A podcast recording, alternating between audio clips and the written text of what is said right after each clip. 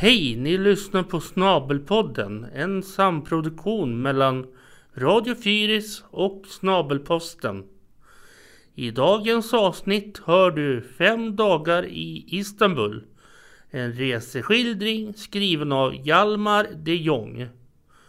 Artikeln publicerades i sjätte numret av Snabelposten 2018. Hjärtligt välkomna och lyssna.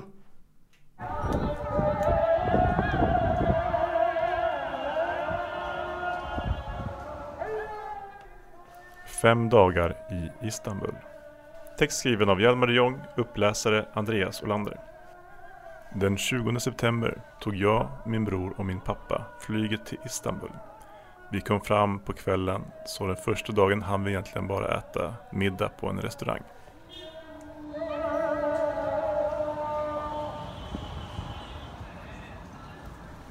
–21 september. Dagen efter besökte vi Hagia Sofia. Det var en kyrka som byggdes på 500-talet men som byggdes om till moské av turkarna på 1400-talet. Nu är det ett museum. Sen besökte vi Topkapi-palatset som var den plats där sultanerna och deras stora hov bodde från 1400-talet till 1800-talet. Och det var därifrån det Osmanska riket styrdes.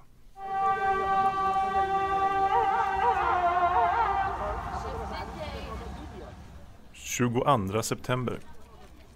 Nästa dag besökte vi tre stora moskéer. Först den så kallade Blå moskén, sedan Sulemanie-moskén och slutligen Mehmet den andras moské.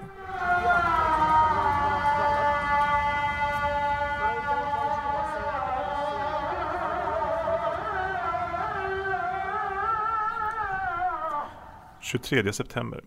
Den fjärde dagen besökte vi först Dolmabahce-palatset som var den plats sultanerna använde efter år 1856. Det var ett mycket stort och praktfullt palats. Jag blev imponerad av de rikligt utsmyckade rummen och alla guldföremål, sidengardiner och kristallkronor. Sen samma eftermiddag gick förbi det hotell där Agatha Christie bodde när hon skrev Mordet på Orientexpressen. På kvällen samma dag gick vi upp i Galatatornet som är ett högt stentorn från medeltiden med en fantastisk utsikt över centrala Istanbul.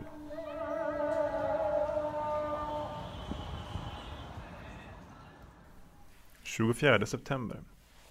Den sista dagen besökte vi stadens gamla försvarsmur. En del av den gamla muren fanns kvar som en ruin. Men det fanns också en del som var rekonstruerad så man skulle kunna se hur den såg ut när den var hel.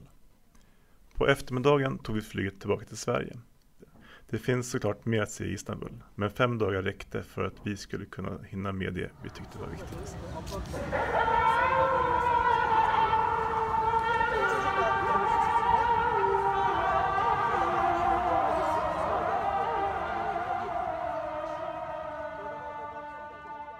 En kort sammanfattning av Istanbuls historia. År 667 f.Kr. grundades staden av greker och fick namnet Bysantion. År 325 e.Kr. bestämde sig den romerska kejsaren Konstantin den store att staden skulle bli det romerska rikets nya huvudstad. Efter hans död fick staden namnet Konstantinopel, som betyder Konstantins stad. Romarriket delades upp i två riken år 395. Det västromerska riket och det östromerska riket. Konstantinopel blev huvudstad i det östra riket. Västra riket blev erövrat av germaner år 476 medan det östra riket blev kvar under namnet Bysantinska riket. På 1300-talet och 1400-talet blev det mesta av Bysantinska riket erövrat av det turkiska Osmanska riket och år 1453 erövrades Konstantinopel av den osmanske sultanen Mehmet II och därmed var Bysantinska riket utplånat och ersatt av det Osmanska riket. Turkarna kallade Konstantinopel för Istanbul och staden blev det Osmanska rikets huvudstad. Osmanska riket växte till en enormt imperium som täckte över hela sydöstra Europa, Nordafrika och det mesta av Mellanöstern. Imperiet varade fram till början av 1900-talet. Efter första världskriget tvingades sultanen att avgå och Osmanska riket upplöstes i ett stort krig. Fem år senare tog Mustafa Kemal Atatürk makten och det moderna Turkiet bildades år 1923.